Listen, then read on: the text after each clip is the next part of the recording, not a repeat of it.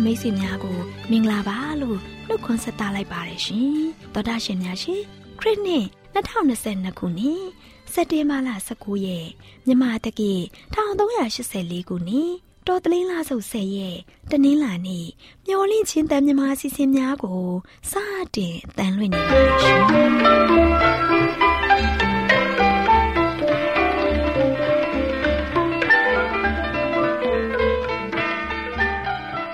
တော်တာရှင်များခင်ဗျာမျောလင့်ချင်းအတန်မြန်မာအစီအစဉ်ကိုနက်နက်6နိုင်မိနစ်30မှ9နိုင်အထိ16မီတာ kHz တစ်ခွန်ခွန်23ညညပိုင်း9နိုင်မှ9နိုင်မိနစ်30အထိ25မီတာ kHz 11943ညမှအတန်လွှင့်ပေးနေပါတယ်ခင်ဗျာ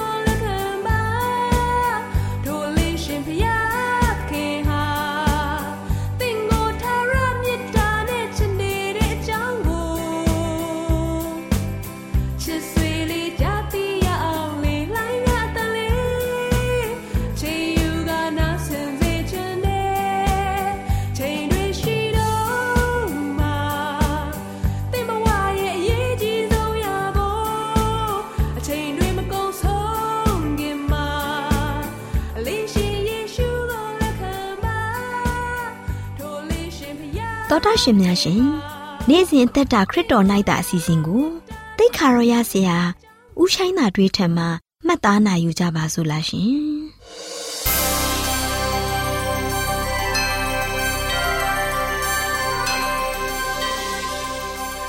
ချစ်ခင်လေးစားအပ်ပါသော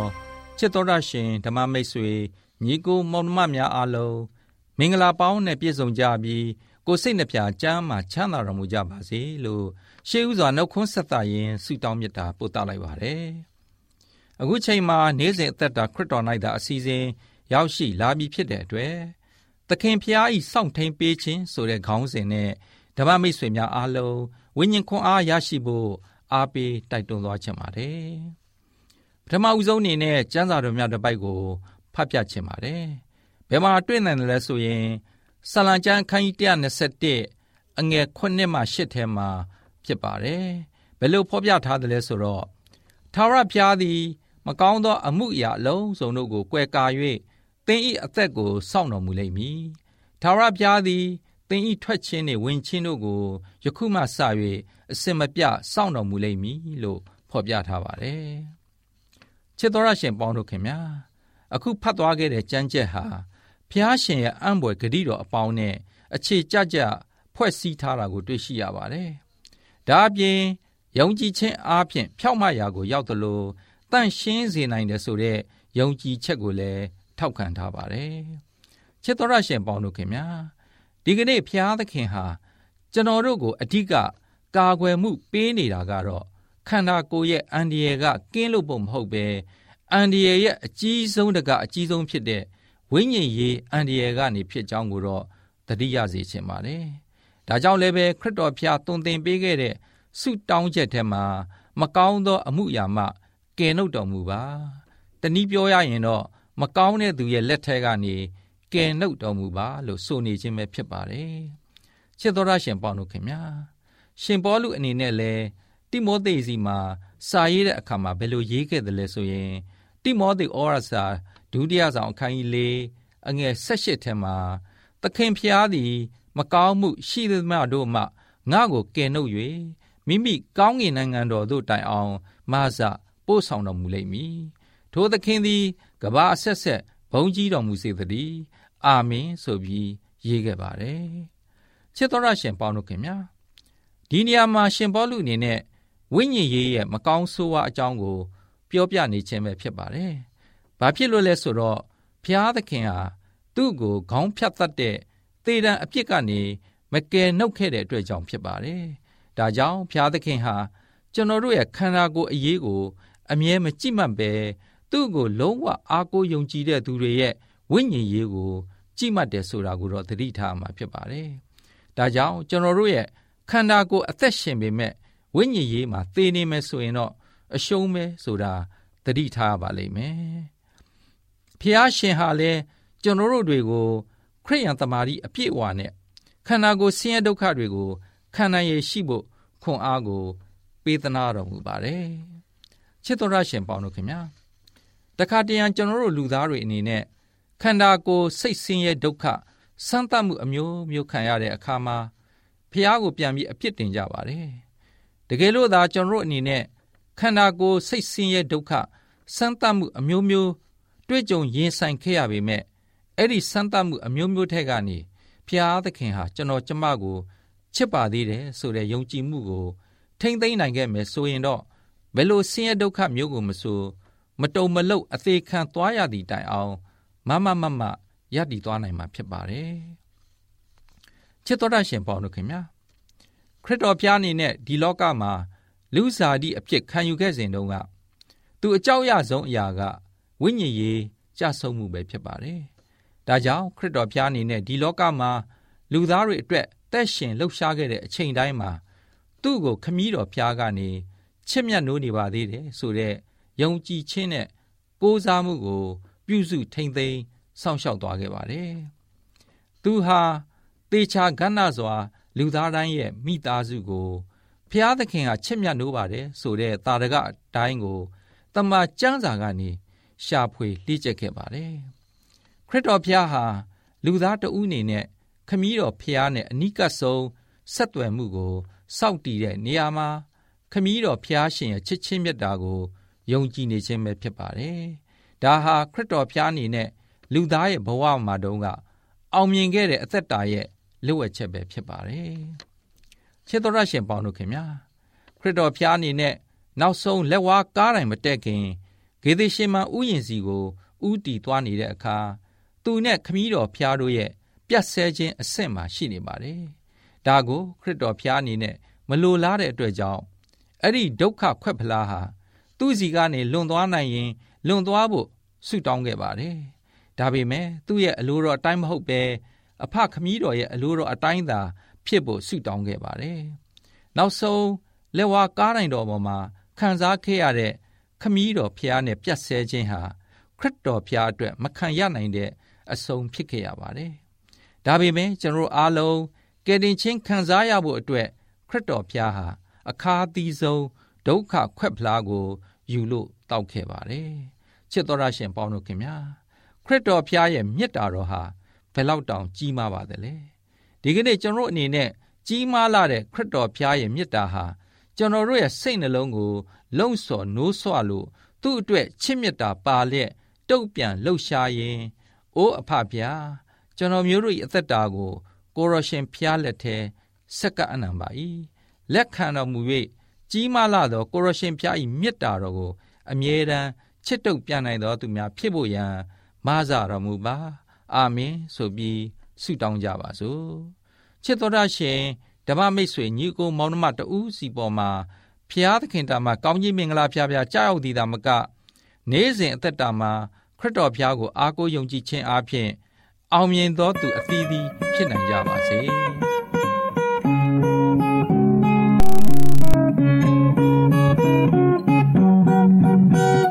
မတရားသောသူတို့ဤတိုက်တွန်းခြင်းသို့မလိုက်လူဆိုးတို့လမ်းတွင်ရပ်ပြေးမနေမထီမဲ့မြင်ပြူသောသူတို့ဤအစီအဝေး၌မထိုင် သာဝရဖျားဤတရားတော်၌သာဝရဖျားဤတရားတော်၌မွေလျော်၍နေညမပြတ်စင်ခြင်းကအောင်မေသူသည်အောင်မေသူသည်မင်္ဂလာရှိသည်မင်္ဂလာရှိသည်လူတိုင်းတို့အတူကျူကြလျင်မင်္ဂလာ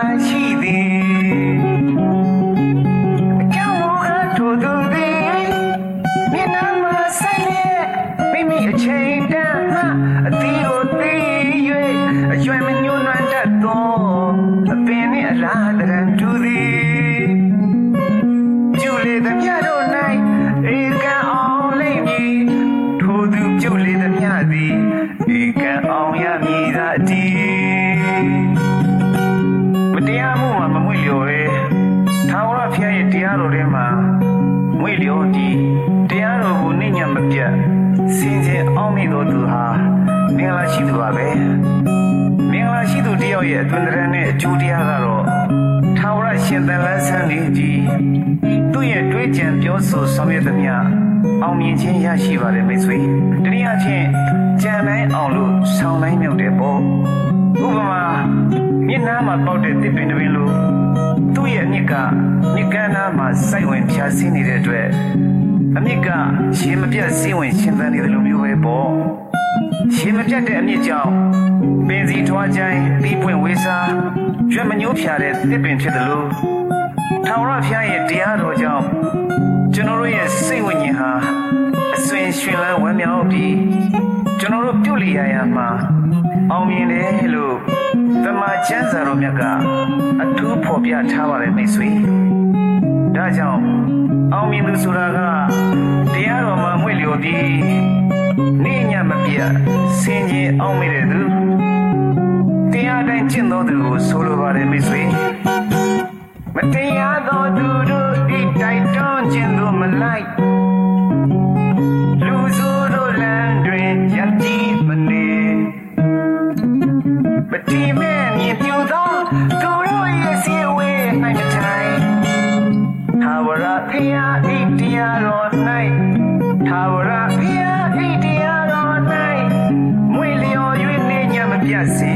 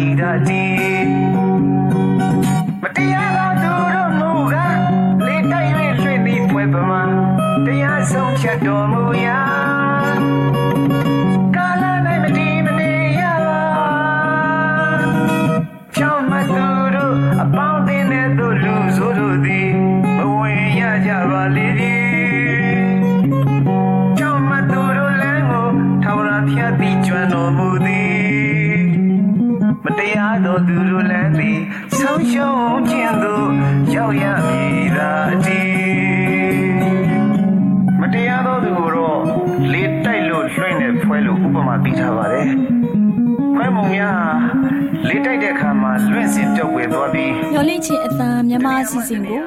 နာတော်တာဆင်နေကြတဲ့တောတာရှင်များမင်္ဂလာပါရှင်တောတာရှင်များရှင်လူတဦးတယောက်ရဲ့အသက်တာမှာတွေ့ကြုံရတဲ့အတွေ့အကြုံအဖြစ်အပျက်တွေဟာတဦးနဲ့တဦးမတူကြပါဘူးဒါပေမဲ့အဲ့ဒီလူတွေရဲ့ရေးသားပေးပို့တဲ့သက်သေခံချက်တွေပြောပြတဲ့အကြောင်းအရာတွေကိုနာတော်တာဆင်ရခြင်းအပြင်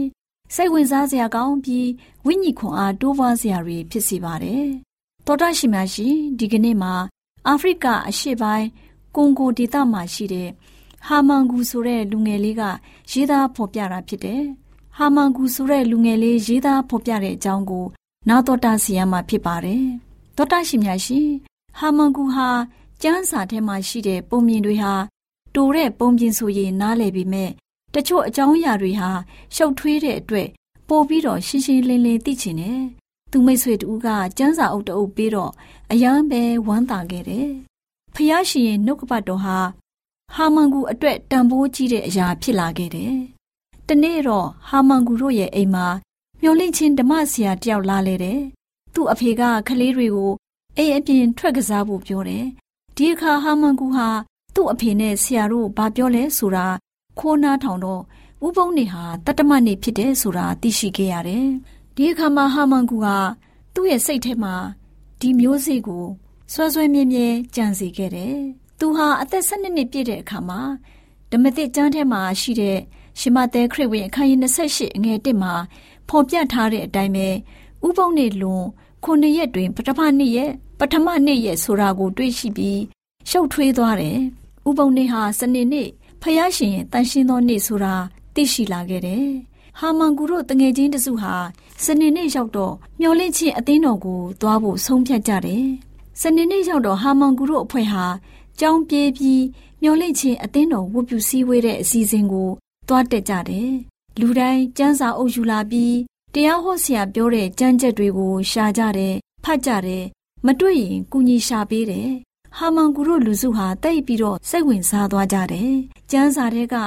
လေ့လာတွေ့ရှိချက်ကိုသိပြီးတော့လဲသဘောကျကြတယ်။ကျမ်းစာတွေကလေ့လာတွေ့ရှိချက်ကိုသိပြီးတော့လဲသဘောကျကြတယ်။ ဟာမန်ကူဟာအိမ်ရောက်တော့ဒီအကြောင်းတွေကို သူ့အမိကိုပြောပြတယ်။သူ့အမိကမျက်နှာမကောင်းဘူး။နောက်အပတ်တွေရောက်တော့ပြညတ်တော်သင်ပေးတယ်။ဖះเจ้าမှာစရုတ်တပြညတ်တော်ကိုလေ့လာလိုက်တဲ့အခါမှာနားလေလာခဲ့တယ်။ဟာမန်ကူတို့အဖွဲ့ဟာဥပုံနှစ်ကိုရောက်တိုင်းကြောင်းမတက်ဘဲမျောလင့်ချင်းအသင်းတော်ဖះเจ้าကိုသွားကြတယ်။ဆရာကဒံပေးတယ်။အပတ်တိုင်သွားတော့ ဟာမန်ကူအဖေကမျောလင့်ချင်းအသင်းတော်ကျောင်းကို မသွားဖို့ပြောတယ်။ဟာမန်ကူတို့ဟာကျောင်းပြေးပြီးသွားပြန်တဲ့အခါမှာလမ်းမှာသူ့အဖေနဲ့တွေ့တော့ကျောင်းတက်ဖို့ပြင်းပြင်းထန်ထန်အမိတ်ပေးခဲ့တယ်။ဟာမန်ကူကငင်းပယ်တဲ့အတွက်အရိုက်ခံခဲ့ရတယ်။နောက်အပတ်တွေရောက်တော့ဟာမန်ကူအဖေဟာသူ့ကိုဒရှေနဲ့တတ်ဖို့ပြုတ်လုတဲ့အခါမှာအိမ်နာနီချင်းတယောက်ကကဲတင်လိုက်တယ်။သူ့အဖေဟာဟာမန်ကူကို သားအဖြစ်ကနေစွန့်လွတ်ပြီးမောင်းထုတ်လိုက်တယ်။ဟာမန်ကူဟာဥပုပ်နေအကြောင်းကိုသိရှိပြီးတကယ်ပဲဖျားသခင်ကောင်းကြီးပေးတဲ့နေ့ဆိုတာသိရှိရတဲ့အခါမှာသူ့အဖေမောင်းထုတ်လိုက်တာကိုဘယ်လို့မှသဘောမထားပဲမျောလင့်ချင်းအတင်းသားတွေအိမ်မှာသွားနေတယ်။အဲ့ဒီနှစ်မှာဟာမန်ကူဟာအစ်စ်အမြင့်ဆုံးနဲ့စာမေးပွဲအောင်မြင်ခဲ့တယ်။အဲ့ဒီမြို့မှာရှိတဲ့ကျောင်းတွေဟာတတ္တမနဲ့မျောလင့်ချင်းအတင်းသားတွေကိုလက်မခံတော့ဘူး။ ဒါကြောင့်ဟာမန်ကူရဲ့တငယ်ချင်းတွေဟာဖះเจ้าမတက်တော့ပဲဟာမန်ကူတယောက်ထဲသာလျှင်အသင်းသူအသင်းသားတွေကူညီတဲ့အတွက်ကျောင်းဆက်တက်ခဲ့တဲ့ကျောင်းဆက်တက်တယ်အသက်16နှစ်မှာနှစ်ချင်းမင်္ဂလာကိုခံယူခဲ့တယ်နယ်စည်းဆရာကသူ့ကိုပထမနှစ်နှစ်အတွက်ကျောင်းစရိတ်ပေးပေးတယ်ဟာမန်ကူဟာဓမ္မအမှုတော်ဆောင်တက်ရောက်ဖြစ်ဖို့ သူရဲ့အသက်တာကိုဆက်ကပ်ထားတယ်။မျောလင့်ချင်းတက္ကသိုလ်မှဘွဲ့ရရှိဖို့လဲစူးစမ်းနေတယ်ဆိုတာသိရှိရတယ်။မျောလင့်ချင်းတက္ကသိုလ်မှဘွဲ့ရရှိဖို့လဲစူးစမ်းနေတယ်ဆိုတာသိရတယ်။ဝမ်တာဆရာကတော့ဟာမန်ကူမျောလင့်တောင်းတနေတဲ့အရာပါပဲ။ဒါကတော့ဟာမန်ကူရဲ့ဆွေမျိုးတွေဟာမျောလင့်ချင်းအသင်းသားတွေဖြစ်လို့နေပါပြီ။မိဘနှစ်ပါးကလည်းသူတို့လိုပဲမျောလင့်ချင်းအသင်းသားတွေဖြစ်ဖို့ဆုတောင်းပေးနေပါတယ်ဆိုတာ ဟာမန်ဂူကရေးသားပြောပြလိုက်ပါတယ်သောတာရှင်များရှင်လူငယ်လေးဟာမန်ဂူရဲ့အသက်တာအဖြစ်အပျက်အတွေ့အကြုံတွေကိုနာတော်တာဆင်ခြင်းဖြင့်အခက်အခဲတွေကြားထဲမှာတန်ဖိုးကြီးတဲ့ယုံကြည်ခြင်းကိုသိရှိနားလည်ခွန်အားရယူနိုင်ကြပါစေတောတာရှင်များရွှေလန်းချမ်းမြေ့ကြပါစေရှင်မျော်လင့်ခြင်းအတန်လူငယ်မောင်မယ်လေးများတို့ကဘာကြိုးကြားပုဂ္ဂိုလ်များအစီအစဉ်မှာ လေးစားတူယူပွဲကဘာစာဆိုကြီးများနဲ့အခြားပုဂ္ဂိုလ်ကျော်ကြီးများအကြောင်းကို တင်ပြပေးသွားမှာဖြစ်ပါတယ်။ယနေ့လူငယ်မောင်မယ်လေးတို့အတွက်အတူယူပြီးဘဝခွန်အားဖြစ်စေမဲ့ပုဂ္ဂိုလ်ကြီးကတော့ချက်ကပ်ရဲ့အကြောင်းပဲဖြစ်ပါတယ်။လူငယ်မောင်မယ်လေးတို့ရေချက်ကပ်ဟာရုရှားပြဆက်ဆရာနဲ့ဝိထုတူကြီးစာရေးဆရာကြီးတယောက်ဖြစ်ပါတယ်ကွယ်။သူ့ရဲ့နာမည်အပြည့်စုံကတော့အန်တန်ချက်ကော့ဖ်ဖြစ်ပါတယ်ကွယ်။ လူငယ်မောင်မယ်လေးတို့ရေသူ့ရဲ့အဖိုးဟာမြေကျေးကျွန်တယောက်ဖြစ်မှာသူ့ကိုယ်ကိုငွေနဲ့ပြန်ဝယ်ပြီးတော့မြေကျွန်ဘဝကနေလွတ်မြောက်ခဲ့ရသူပါအင်မတန်ဆင်းရဲကြပါတယ်ကွယ်သူ့ကိုယ်ကိုငွေနဲ့ပြန်ဝယ်ဖို့အလုတ်ကိုပြင်းပြင်းထန်ထန်မအိပ်မနေကြိုးစားပြီးတော့စုဆောင်ရှာဖွေခဲ့ရတယ်လို့လဲဆိုပါတယ်ဒါကြောင့်မို့လို့ချက်ခေါ့ခါ အဆင့်တန်းနေကြလာတဲ့ရေကျွံမျိုးရိုးကနေဆင့်သက်လာသူလို့ဆိုရပါမယ်ကွယ်လူငယ်မောင်မယ်လေးတို့ရေချက်ကော့ရဲ့ဖခင်ဟာတာမန်ဈေးရောက်သမားတယောက်ပါထမင်းစားဖို့တော့အနိုင်နိုင်ကြီးပွားချမ်းသာဖို့ဆိုတာဝေးလာဝေးအမျိုးကနေကြနေရတဲ့အထက်စိတ်ရဲ့ချင်းကထပ်ပြီးတော့တိုးလာပြန်ပါတယ်ဒါကိုကြည့်ရင်ဒီလောက်နေကြတဲ့ဘဝကစပြီးတကယ့်ကဘာတိပုဂ္ဂိုလ်ကျော်ကြီးတယောက်ဖြစ်လာအောင် ဖောက်ထွက်လာနိုင်တဲ့သူ့ရဲ့စွမ်းအားကဘလောက်အင်အားကြီးမားတယ်ဆိုတာသိတာနိုင်ပါတယ်ကွယ်လူငယ်မောင်မယ်လေးတို့ရေသူဟာသူ့ရဲ့အသက်16နှစ်လောက်မှာစာပေပို့ချတာရေးသားတာတို့နဲ့ပတ်သက်ပြီးတော့အသက်မွေးဖို့ရန်အတွက်ဆုံးဖြတ်ချက်ချလိုက်ပါတယ်။သူဟာနိစ္စရာအကြောင်းတွေတက်ပြီးတော့ပညာတွေကိုသင်ယူခဲ့ပါတယ်။သူ့ရဲ့မသိစိတ်ကသူ့ကိုရေးစရာပုံမြင်ကလေးတွေရေးစေပါတယ်။ စိတ်ဝင်စားရေးတယ်။သူဟာအောင်မြင်တယ်။အဲ့ဒီစာရေးကပုံမြင်ရေးခလေးတွေကိုစုပြီးတော့ကြောင်းဆက်တက်ပါတယ်ကွယ်။အဲ့ဒီကတပန်းစေးပညာဘွဲ့ယူဖို့မော်စကိုတက္ကသိုလ်ကိုတက်ပါတယ်။သူ့ရဲ့အသက်24နှစ်မှာတော့သူ့ရဲ့ရေမှန်းချက်အောင်မြင်ပြီးဆေးရုံတရုံမှာဆရာဝန်အဖြစ်အမှုထမ်းခဲ့ပါတယ်ကွယ်။လူငယ်မောင်မယ်လေးတို့ရေတစ်ဖက်ကဆရာဝန်လုပ်နေရပြီမဲ့ တစ်ဖက်ကလည်းကလောင်ကိုထမ်းပြီးတော့သူရေးချင်တာတွေကိုစိတ်ရေးပါတယ်။ပါရမီရှင်လို့ဆိုရမလားမသိပါဘူးကွယ်။ဂျက်ကောဟာသူ့ရဲ့အသက်28နှစ်မှာ Pushkin စာပေစုကိုရပြီးတော့သူ့ရဲ့နာမည်ကတဟုန်ထိုးကြီးလာပါတော့တယ်ကွယ်လူငယ်မောင်မယ်လေးတို့ရေငကိုကလူမှုရေးစိတ်သက်ကြီးမားတဲ့ဂျက်ကော့ဟာ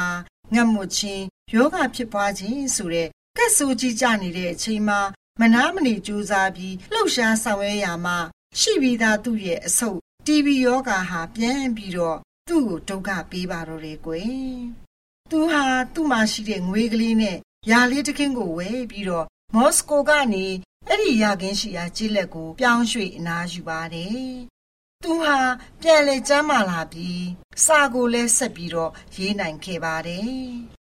ငယ်မောင်မယ်လေးတို့ရေသူ့ရဲ့ပြဆက်တွေသူ့ရဲ့ပုံမြင်ဝတ္ထုတွေကတော့လူကြိုက်များလာခဲ့ပါတယ်ကွယ်။သူ့ရဲ့အသက်52နှစ်အရွယ်မှာတော့အိမ်တောင်ပြုခဲ့ပါတယ်။သူ့ရဲ့အမျိုးသမီးရဲ့နာမည်ကပြဆက်မင်းသမီးဖြစ်တဲ့ organist ကပဲဖြစ်ပါတယ်။သူတို့နှစ်ဦးဟာတဦးရဲ့တူဘဝကို နားလေကြပါတယ်။အေးအတူပူအမြအတူနေထိုင်ခဲ့ကြပါတယ်။ချက်ကောက်ဟာကြီးမားတဲ့ဟာတာ စာရေးဆရာဖြစ်တယ်လို့တစ်ဖက်ကလည်းလူသားဝါဒကိုလက်ခံယုံကြည်သူတူလည်းဖြစ်ပါတယ်။သူ့ရဲ့အရင်ခံဆန္ဒကတော့ကျေးလက်နေပြည်သူတွေကိုအသိပညာပေးဖို့ပဲဖြစ်ပါတယ်ကွယ်။လူငယ်မမယ်လေးတို့ရေချက်ကောက်ဟာသူ့ရဲ့အသက်အရွယ်ကောင်းတုန်း44နှစ်အရွယ်မှာကွယ်လွန်ခဲ့ပါတယ်။သူကွယ်လွန်ပြီးတဲ့နောက်မှာနှောင်းခေစာရေးဆရာတွေကချက်ကော့ဟာသူ့အကြောင်းကိုသူမရေးဘူး။ သူ့ကိုရေးတဲ့အခြားလူတွေကို စိတ်ဝင်စားတယ်၊ရက်ရောတယ်၊တနာတတ်တယ်။အခြားလူတွေရဲ့တွေ့ကြုံခံစားနေရတဲ့အခက်အခဲပြဿနာတွေကို နားလေတယ်သူ့ဘဝကိုဟာတနော်ပြီးပေါ့ပေါ့ပါပါနေသွားတယ်လို့မှတ်ချက်ချခဲ့ကြပါတယ်ကွယ်လူငယ်မောင်မယ်လေးတို့ရေ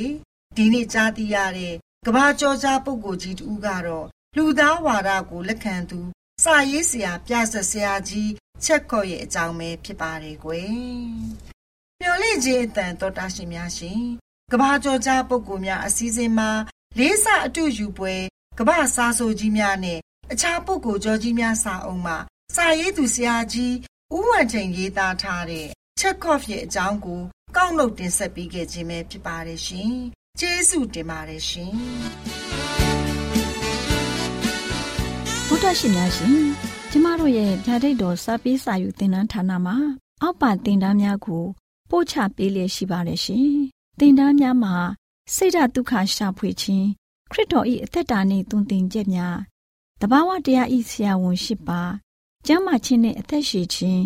သင်နဲ့တင့်ကြမာရေးရှားဖွေတွေ့ရှိခြင်းလမ်းညွန်သင်ခန်းစာများဖြစ်ပါရဲ့ရှင်။သင်တန်းအလုံးဟာအခမဲ့သင်တန်းတွေဖြစ်ပါတယ်။ဖြစ်ဆိုပြီးတဲ့သူတိုင်းကို ဂုံပြုလွှာချီးမြှင့်ပေးမှာဖြစ်ပါရဲ့ရှင်။တော်တာရှင်များခင်ဗျာဓာတိတော်အတန်းစာပေးစာယူဌာနကိုဆက်သွယ်ခြင်းနဲ့ဆိုရင်တော့ဆက်သွယ်ရမယ့်ဖုန်းနံပါတ်ကတော့39 656 296 336နဲ့39 998 316 694ကိုဆက်သွင်းနိုင်ပါတယ်။ဓာတ်တော်အတန်းစာပေးစာဥထာဏာကိုအီးမေးလ်နဲ့ဆက်သွယ်ခြင်းနဲ့ဆိုရင်တော့ l a l r a w n g b a w l a @gmail.com ကိုဆက်သွင်းနိုင်ပါတယ်။ဓာတ်တော်အတန်းစာပေးစာဥထာဏာကို Facebook နဲ့ဆက်သွယ်ခြင်းနဲ့ဆိုရင်တော့ s o e s a n d a r Facebook အကောင့်မှာဆက်သွင်းနိုင်ပါတယ်။ AWR မျော်လင့်ခြင်းတန်ကိုအားပေးနေတယ်တော်တာရှင်များရှင်မျော်လင့်ခြင်းတန်မှာအကြောင်းအရာတွေကိုပုံမသိရှိပြီးဖုန်းနဲ့ဆက်သွယ်လိုပါက39 2939 3926ခွန်45နောက်ထပ်ဖုန်းတစ်လုံးအနေနဲ့39